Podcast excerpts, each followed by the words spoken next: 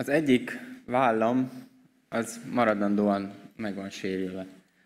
Sajnos, amikor túlmáson tanultam, akkor nagyon sok ideig játszottam egy sportot, frisbeeztem, és sokat gyakoroltam egyedül. Dobáltam a frisbee és egy idő után nagyon jó lettem benne. Az idő, egy idő után én, én játszottam a legjobban ezt a sportot, ott a közösségben, olyanokat tudtam repíteni, amit senki más nem tudott a frisbee-vel. És egy idő után Isten ezt úgy gondolta, hogy a véget vet ennek, és az egyik sportolás közben elestem, és ráestem az egyik vállamra.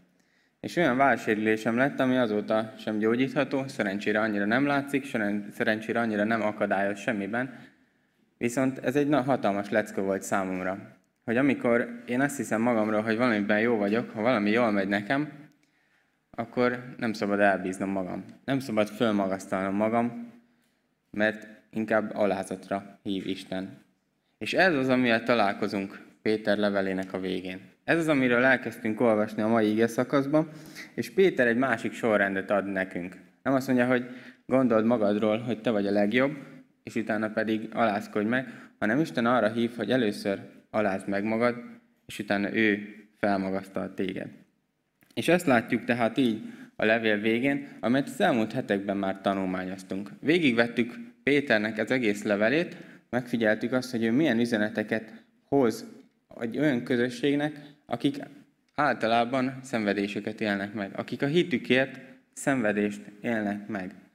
És ez, és itt érkezünk el tulajdonképpen a levél végéhez, ahol Péternek van egy ilyen befejező szakasza, ahol összegzi kicsit a gondolatait, és hoz pár témát így a gyülekezet számára. És ezeket szeretném végignézni, szeretnék először beszélni így az alázatról, utána szeretnék beszélni kicsit a sátánról, az ördögről, és végül szeretnék egy kicsit beszélni arról, hogy hogyan bátorítja végül Péter a hallgatókat.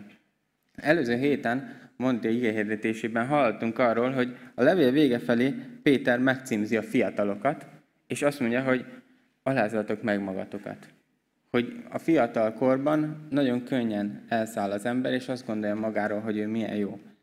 És utána tovább megy, és úgy gondolom, hogy itt a hatodik verstől már nem csak a fiatalokat címzi meg, hanem az egész gyülekezetet. És azt mondja, hogy alázzátok meg tehát magatokat Isten hatalmas keze alatt, hogy felmagasztaljon titeket annak idején. És én hozzávenném a következő verset is, és így fogjuk megvizsgálni az alázat témáját, amely pedig úgy hangzik, hogy minden gondotokat őre elvessétek, mert neki gondja van rátok. És amikor az alázatról gondolkodunk, akkor fel kell tennünk a kérdést, hogy vajon mi is ez az alázat. Előző héten azt hallottuk, hogy az alázat az, amikor kevesebbet gondolunk magunkról, és kevesebbet gondolunk magunkra. Én viszont hozzátennék még egy kis toldalékot ehhez, és azt mondanám, hogy az alázat az, amikor helyesen pozícionáljuk magunkat. Amikor körbenézünk, és megtaláljuk a helyünket, ott, ahol valójában a helyünk van. Ahol nem gondoljuk magunkat többnek, nem gondoljuk magunkat kevesebbnek, hanem ott van a helyünk. És nem az alapján, hogy mi hol gondoljuk, hogy a helyünk van, hanem ahol Isten gondolja, hogy a mi helyünk van. És ugyanakkor ez az alázat jelent tulajdonképpen irányítás átadást is. Hiszen amikor megtaláljuk a helyünket, akkor rá kell jönnünk, hogy nem vezető pozícióban vagyunk. Nem mi irányítjuk a körülöttünk lévő dolgokat, nem mi irányítjuk talán még a saját életünk folyását sem, és ez alapján fel kell ismernünk, hogy bizony alázottal kell mindezekhez viszonyulnunk. És hogyan alázkodjunk meg? Azt mondja itt az ige, hogy Isten hatalmas keze alatt. És ez is már az irányításra vezet rá, és azt mondja, hogy, hogy van valaki, aki sokkal jobban irányít aki sokkal jobban vezet. Isten hatalmas keze. Isten irányítása alatt kell tulajdonképpen megalázni magunkat, és azt mondani, hogy oda megyek, ahova ő vezet engem. És utána pedig azt mondja, hogy minden gondotokat őre vessétek. És ez, ez az igevers, amivel szeretnék egy kicsit így, így gondolkodni a mai napon, és először is megnézni, hogy milyen gondok vannak. Mik ezek a gondok? Mi az, amit mindent rá kell vetni? Hogyha az eredeti szöveget nézzük, akkor egy olyan szó állott, ami az aggodalmaskodással kapcsolódik össze. Azt mondja, hogy minden aggodalmatokat őre elvásítek. Ugyanez a szó jelenik meg, akkor, amikor Jézus beszél a hegyi beszédben, és azt mondja, hogy ne aggodalmaskodjatok a holnapért. Ne aggódjatok, hogy mit egyetek, hogyan ruházkodjatok. Ne aggodalmaskodjatok. Vagy amikor, vagy amikor Jézus Máriával és Mártával találkozik, és az a kis történetet látjuk a vendégségben, és azt látjuk, hogy, hogy Márta ott sűrök forog, és Jézus azt mondja neki, hogy túl sok mindenfelől aggódsz. Túl sok mindenfelől tevékenykedsz, aggódsz. Ugyanezt a szót találjuk ott. És itt tulajdonképpen azt mondja Péter, hogy minden aggodalmatokat rávesétek. És ha, ha belegondolunk, akkor a gyülekezet számára ez egy nagyon-nagyon fontos üzenet volt. Hiszen tényleg egy olyan gyülekezetnek írta, egy olyan közösségnek írta, akik szenvedések előtt álltak, vagy szenvedésekben álltak. Azokat tapasztalták meg. És ebben a helyzetben azt mondja Péter, hogy minden aggódást Istenre lehet vetni. És mik is ezek az aggódások? Mi az aggódás? Az aggódás egy ilyen általános félelem, egy kicsit megfoghatatlan félelem. Amikor nem is feltétlen tudjuk, hogy mi miatt aggódunk, csak aggódunk. Vagy van, amikor egy szeretünk felől aggódunk, van, amikor egy feladat felől aggódunk. De az aggódás leginkább akkor alakul ki, amikor ami felől aggódunk, azt nem tudjuk irányítani. Amit, amit tudunk irányítani, azért miért aggódnánk? Hiszen az rajtunk múlik, azt, azt megcsináljuk úgy, ahogy mi akarjuk ami pedig rajtunk kívül áll. A felől aggódhatunk. Aggódhatunk most a háború felől, hiszen én, Bozsóki Bence, mit tudok tenni a háborúról alatt Ukrajnában? Aggódhatok a jövő felől, hiszen a jövő nincs a kezemben, nincs az irányításom alatt. És ilyen aggódások kialakulhatnak, és ezek szépen elveszik a mi örömünket, elveszik a, a mi bizalmunkat, és elkezdünk tulajdonképpen így félelemben élni. Egy ilyen általános félelem, ami, ami megfog minket, amivel nem tudunk mit kezdeni. És erre Péter azt mondja, hogy minden gondotokat őre elvessétek. Vagyis pontosabban azt mondja, hogy minden gondotokat őre elvetve. És tudom, hogy nagyon sokat nyelvtanozok az elmúlt ige hirdetéseken, de ezt nagyon fontos kiemelni ebben az ige szakaszban. Hogy amikor azt olvassuk, hogy minden gondotokat őre elvessétek, akkor a vessétek az nem egy felszólító ige, hanem ez egy határozói igenév. Azaz, minden gondotokat ő vetve. Minden gondotokat ő vetve. De akkor mi is a felszólítás? A felszólítás az tulajdonképpen az az, hogy alázátok meg magatokat. És így, akkor olvasva tulajdonképpen azt találjuk, hogy alázátok meg magatokat, pont, pont, pont, ő, minden, ő vetve minden gondotokat. Tehát látjuk azt, hogy, hogy a gondok, az angodalmaskodások megoldása, az nem az, hogy rávetünk mindent, hanem az, hogy megalázkodunk. Így tehát össze is kapcsolódik a kettő, hiszen az aggodalmaskodásunk abból, aggó, abból fakad, hogy mi megpróbálunk irányítani valamit, amit nem tudunk irányítani. Amikor pedig megalázzuk magunkat, akkor átadjuk ezt az irányítást annak, akinek van hatalma irányítani. És tehát az aggodalmaskodás, a gondok megoldása, az az alázat. És az alázatból fakad az, hogy minden gondunkat őre vetjük.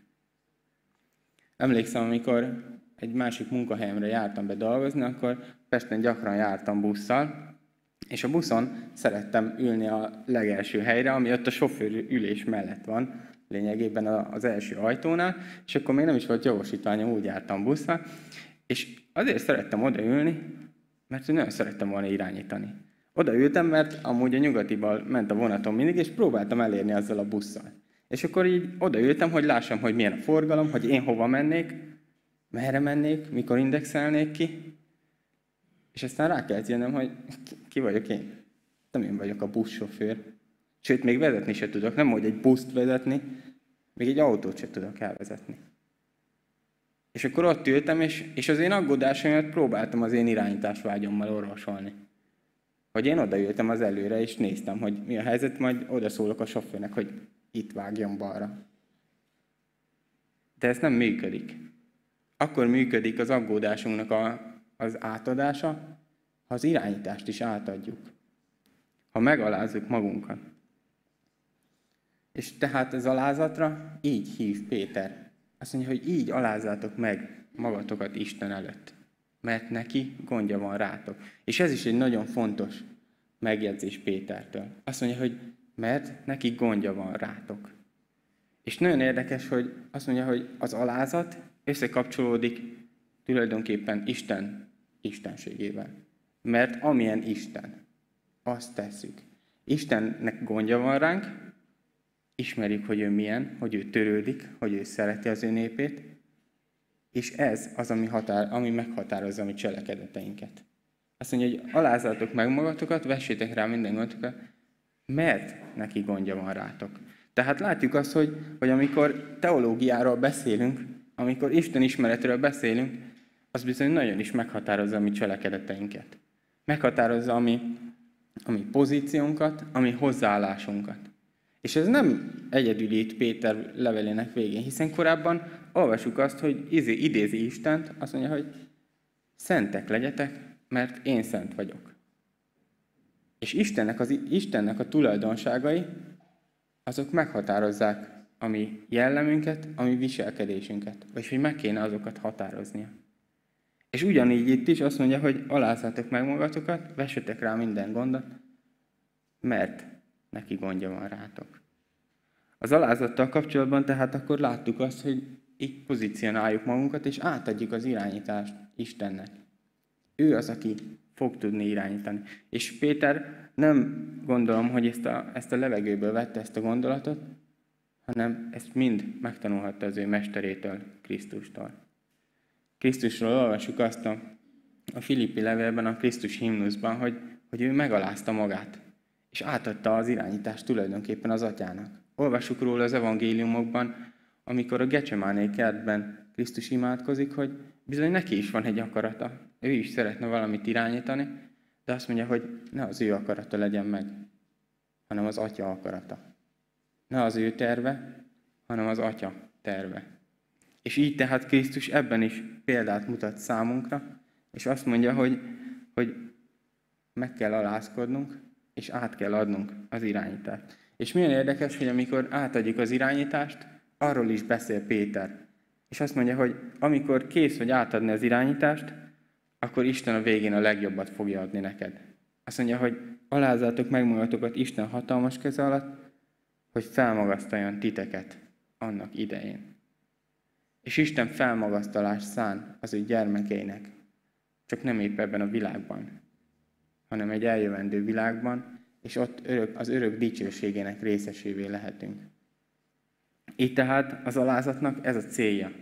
Az, hogy alázzuk meg magunkat Isten előtt, azért, hogy az ő terve valósuljon meg annak idején. És szeretnék rátérni az ezt követő versekre, a 8. verstől egészen a 11. versig, amikor megcímzi a gyülekezetet a sátánnal kapcsolatban. Elkezd beszélni a sátánról, és nagyon fontos dolgokat szeretnék talán itt, itt átadni nektek, arról, hogy milyen is a sátán.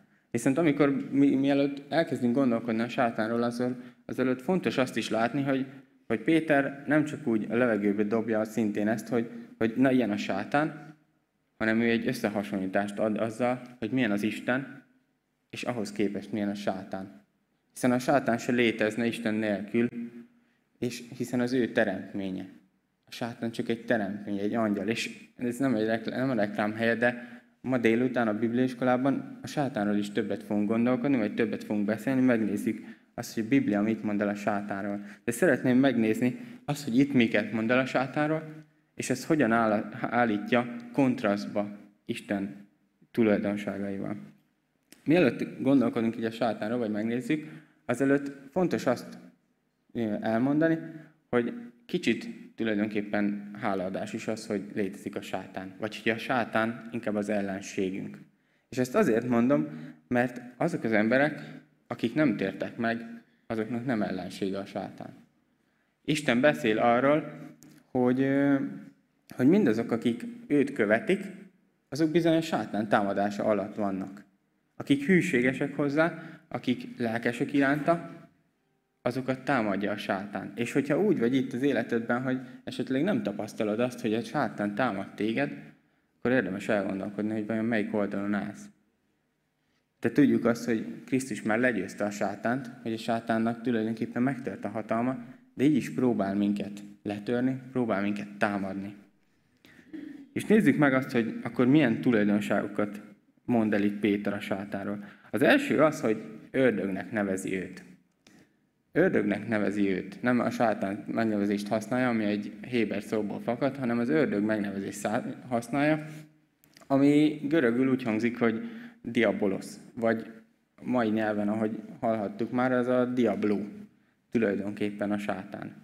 És ez a diabolosz, az, hogyha a szó eredetét megnézzük, akkor, akkor azt látjuk, hogy az eredeti nyelven annyit jelent, hogy rágalmazó.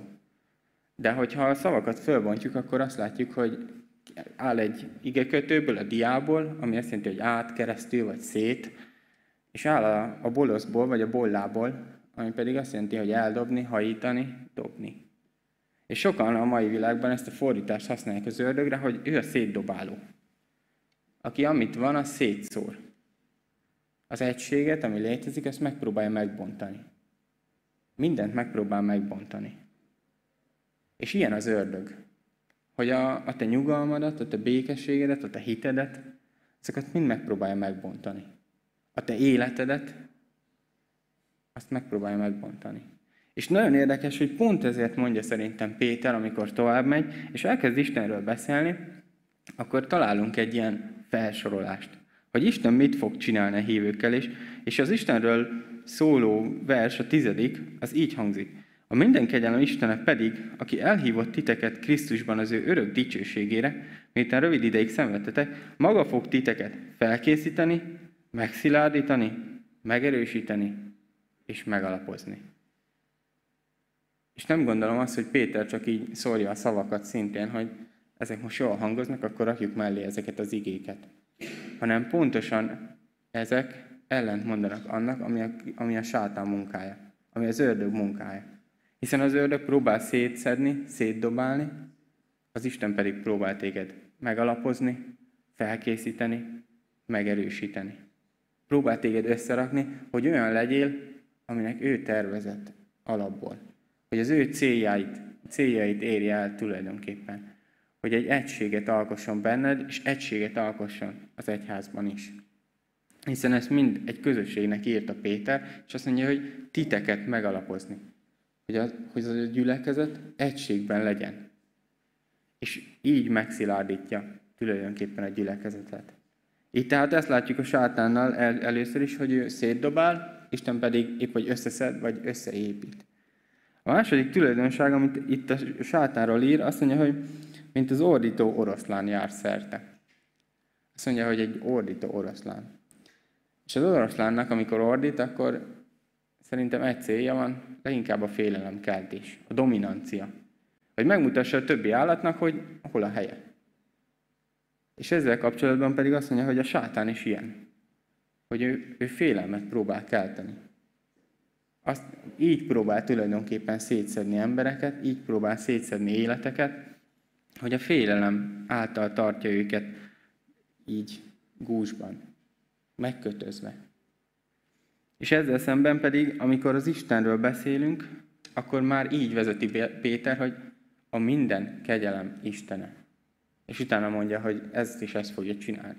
A minden kegyelem Istene.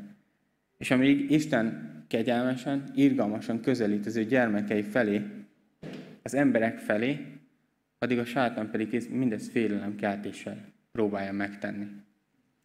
És végül, amit olvasunk a sátánról, azt mondja, hogy jár szerte, keresve kit nyeljen el. Kit nyeljen el. És ez ugyanúgy alátámasztja azt, amit az előtte az ördögről mondtam, hogy, hogy neki a célja az, hogy szétszedjen, hogy elnyeljen hogy elveszíts saját magadat, hogy szétessél. És ezzel szemben pedig Istennél azt olvasjuk, hogy a minden kegyelem Istene, aki elhívott Krisztusban.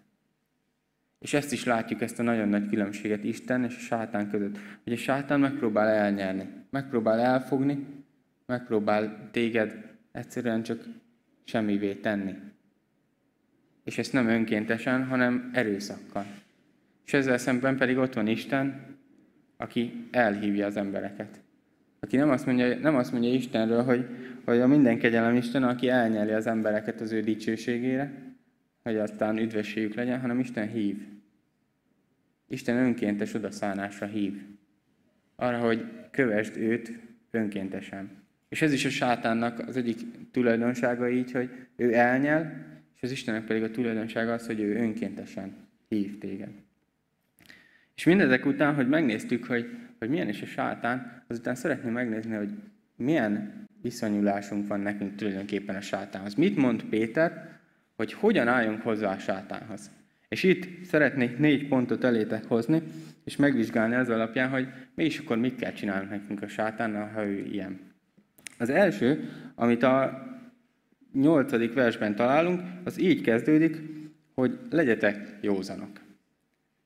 Legyetek józanok. És utána mondja azt, hogy ellenségétek a sátán, jár, jár szerte, hogy kit, kereső, hogy kit nyeljen el. Azt mondja, hogy legyetek józanok. Az első dolog a józanság.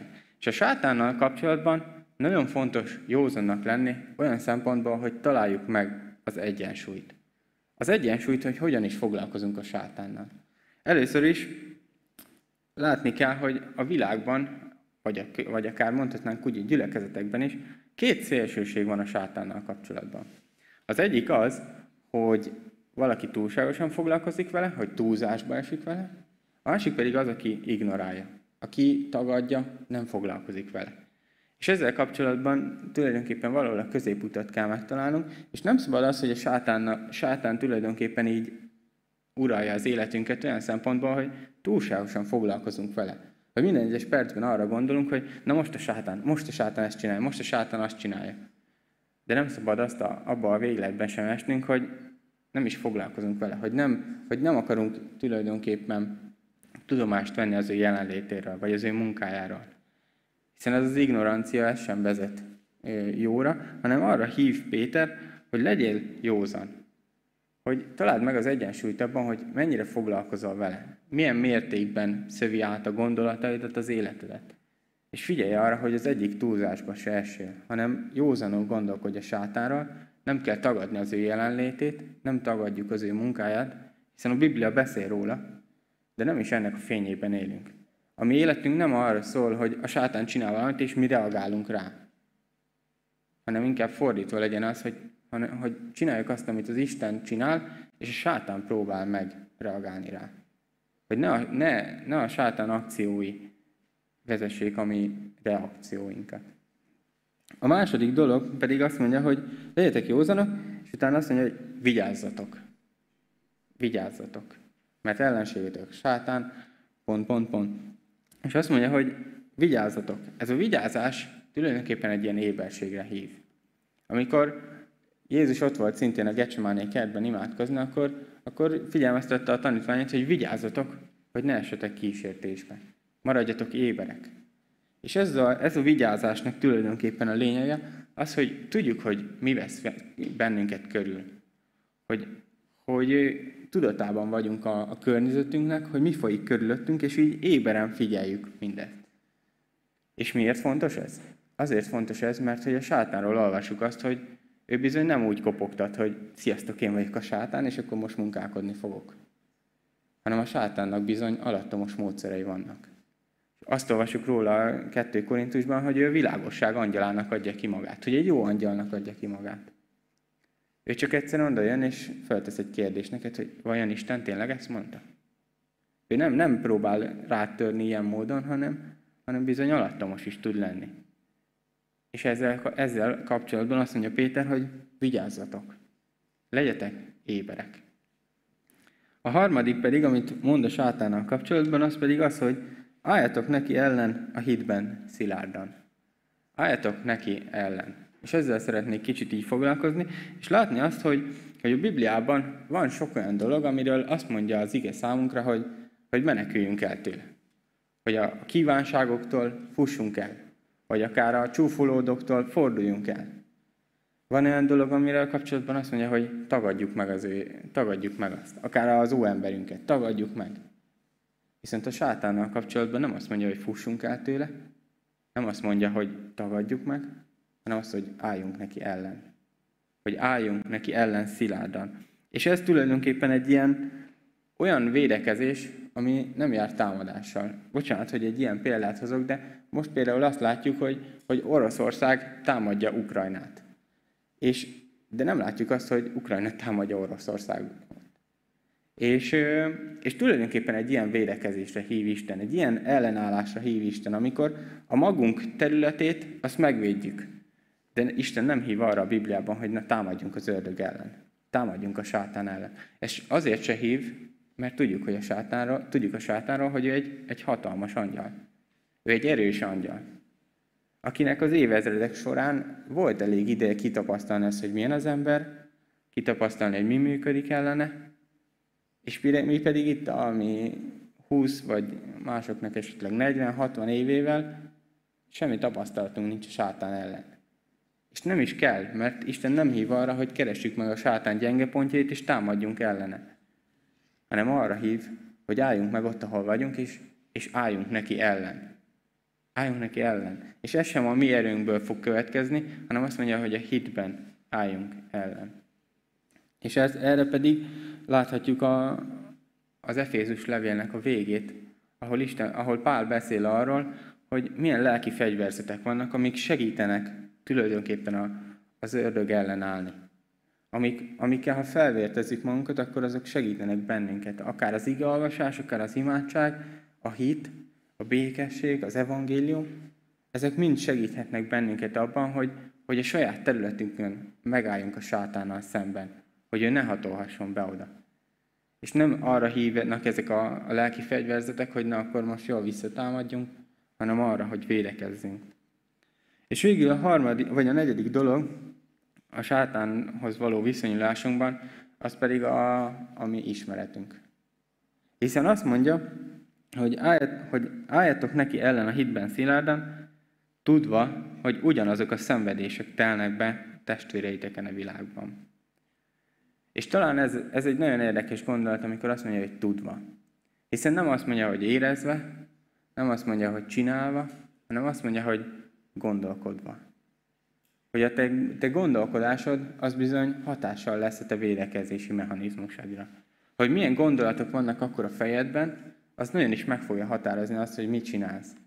És korábban az ifivel mindig mondogattam azt, hogy minden fejben dől el, de valójában itt is minden fejben dől el.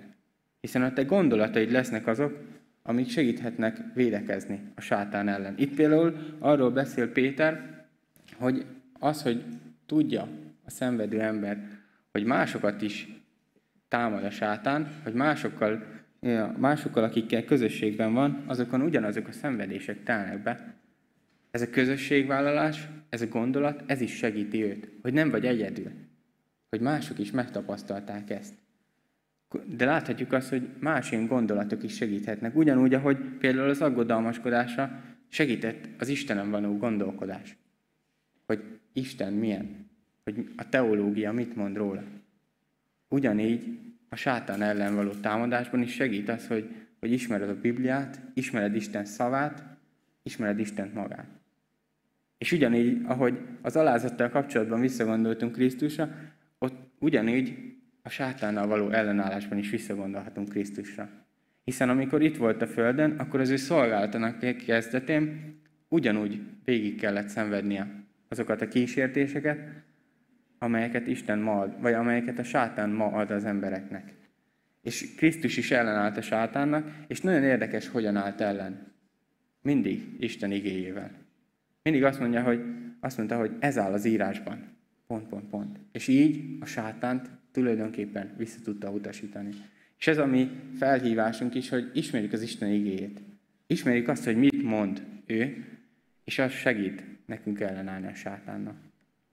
Tehát ezeket szerettem volna elétek hozni, hogy hogyan is állhatunk neki ellen, hogy józanságban, hogy vigyázva, hogy tulajdonképpen nem visszatámadva, hanem csak ellenállva neki, és végül a mi ismeretünkkel, a mi tudásunkkal állhatunk ellen a sátánnak. És végül elérkeztünk így a levél utolsó bekezdéséhez. Ahhoz a pár gondolathoz, amelyben Péter összefoglalja az ő levelét. És azt mondja, hogy röviden írtam nektek, bátorítva és bizonyságot téve arra, hogy az az Isten igazi kegyelme, amelyben álltok. Az az Isten igazi kegyelme, amelyben álltak. És nagyon fontos ismét visszagondolni csak arra, hogy kik az eredeti címzettek. Az a szenvedő gyülekezet, akik a hitükért szenvedtek, azok ezt az üzenetet kapják, hogy Isten kegyelmében álltok. És tulajdonképpen minden, ami történik veletek, az Isten kegyelméből történik veletek. Nem a véletlenből, nem a sátán munkálkodása miatt, hanem azért, mert a kegyelemben álltok. A kegyelem az, ami megengedi azt, hogy a hívők szenvedhessenek, de a kegyelem az is, hogy a hívők kitarthatnak ezekben a szenvedésekben. És erre bátorítja tulajdonképpen Péter a hívőket, hogy Isten kegyelmében álltak. Hogy ez mindennél fontosabb. És utána pedig bátorítja őket azzal is, hogy ki vannak választva, hiszen így, így folytatja, hogy köszönt titeket a veletek együtt kiválasztott babiloni gyülekezet, és Márk az én fiam. Azt mondja, hogy köszönt titeket a kiválasztott gyülekezet, aki veletek együtt van kiválasztva. És a kiválasztás témája egy nagyon-nagyon összetett dolog, és nagyon mély dolog, nem is szeretnék nagyon belemenni, de Isten kiválasztotta a hívőket. Isten kiválasztotta azokat, akik, akik benne hisznek, és őt követik. És ez egy bátorítás lehet arra, hogy, hogy bizony neki, ők ki választva az örök dicsősége, az üdvösségre, hogy kövessék őt. És ezzel is bátorítja a hívőket, és tulajdonképpen egy ilyen keretes szerkezetet ad a levélnek, hiszen a levél eleje is ezzel kezdődött. Hogy ki vagytok választva. És akármi történik veletek, ki vagytok választva. És a levél vége is ezzel fejeződik be.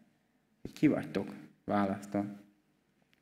És végül két dolgot kíván a gyülekezetnek Péter. Az elsőről azt mondja, hogy ami, ami rajtuk múlik, a másodikról pedig azt mondja, hogy ami Istentől jön. És az elsőről, elsőnél azt mondja, hogy, hogy köszöntsétek egymást a szeretet csókjával. Szeretet csókjával. És nagyon érdekes, hogy amit már egyszer korábban is mondtam, hogy Péter írja a levelet, és Péter bizony megtapasztalta azt, hogy nem csak a szeretetnek létezik csókja, hanem az árulásnak is létezik csókja. És Péter ott volt, amikor Júdás odajött Jézushoz a Gecsemáné kertben, és odalépett Jézushoz, és megcsókolta őt. Persze ezt értsük az akkori kontextusban, hiszen az akkori üdvözlési mód volt a csók, valószínűleg az arcra adták, és, és odalépett Jézushoz, Júdás, és azt mondja, hogy, hogy üdvözlégy mester, és megcsókolta. És ez bizony nem a szeretet csókja volt, hanem az árulás csókja. És Péter azt mondja a hallgatóinak, hogy a szeretet csókjával köszöntsétek egymást. Hogy, hogy a gyülekezetben ez legyen, ami uralkodik. Ne az, hogy a, a másikban áskálódunk, a másikat elítéljük, a másikra irigykedünk, vagy épp eláruljuk a háta mögött, hanem a szeretet csókja legyen az, ami uralkodik a gyülekezetben.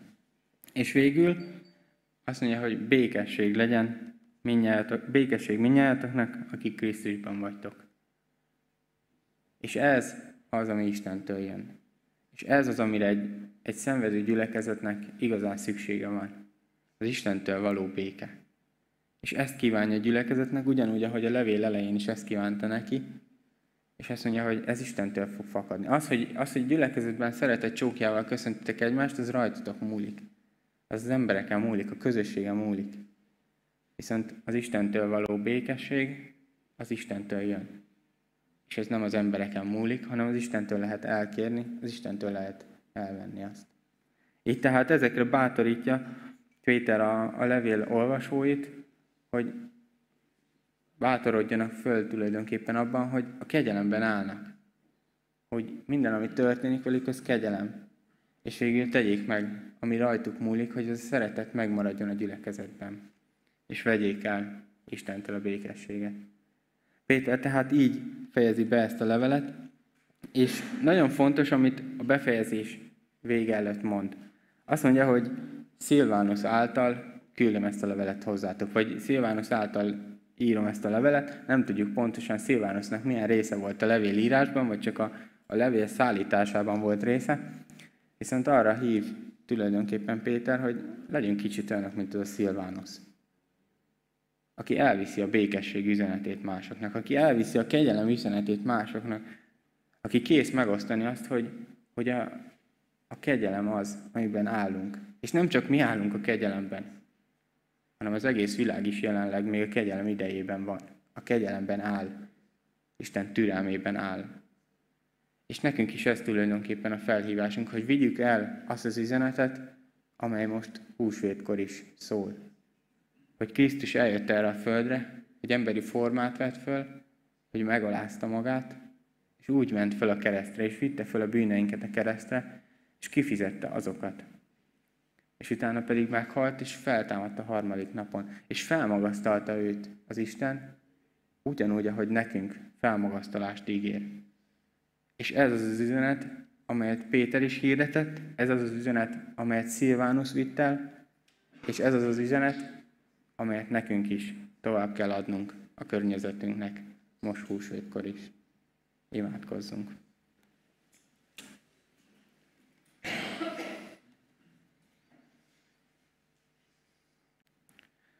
Istenünk, dicsérünk téged, mert te hatalmas vagy, a te kezed hatalmas, a te erőd hatalmas. Dicsérünk téged azért, mert neked gondod van ránk, hogy te törődsz velünk. Köszönjük azt, hogy a gyermekeid lehetünk, köszönjük a megváltást, és köszönjük azt, hogy így emlékezhetünk a te fiadra. Köszönjük azt, hogy ő példát adott mindenben számunkra, hogy semmi sem ér bennünket az életben úgy, hogy ezt Krisztus ne tudna átérezni. És szeretnénk most így eléd szeretnénk megalázni magunkat, és szeretnénk a sátánnal való harcunkat mind a te kezedbe tenni. Kérlek, te készíts fel erre, te erősíts meg erre, és alapozd meg a mi életünket. Szükségünk van, Urunk, a te békességedre, szükségünk van arra, amit csak te tudsz megadni nekünk. Így függünk tőled, és vágyunk rád. Bízunk benned, Urunk. Légy velünk, mert szükségünk van rád. Jézus nevében. Amen.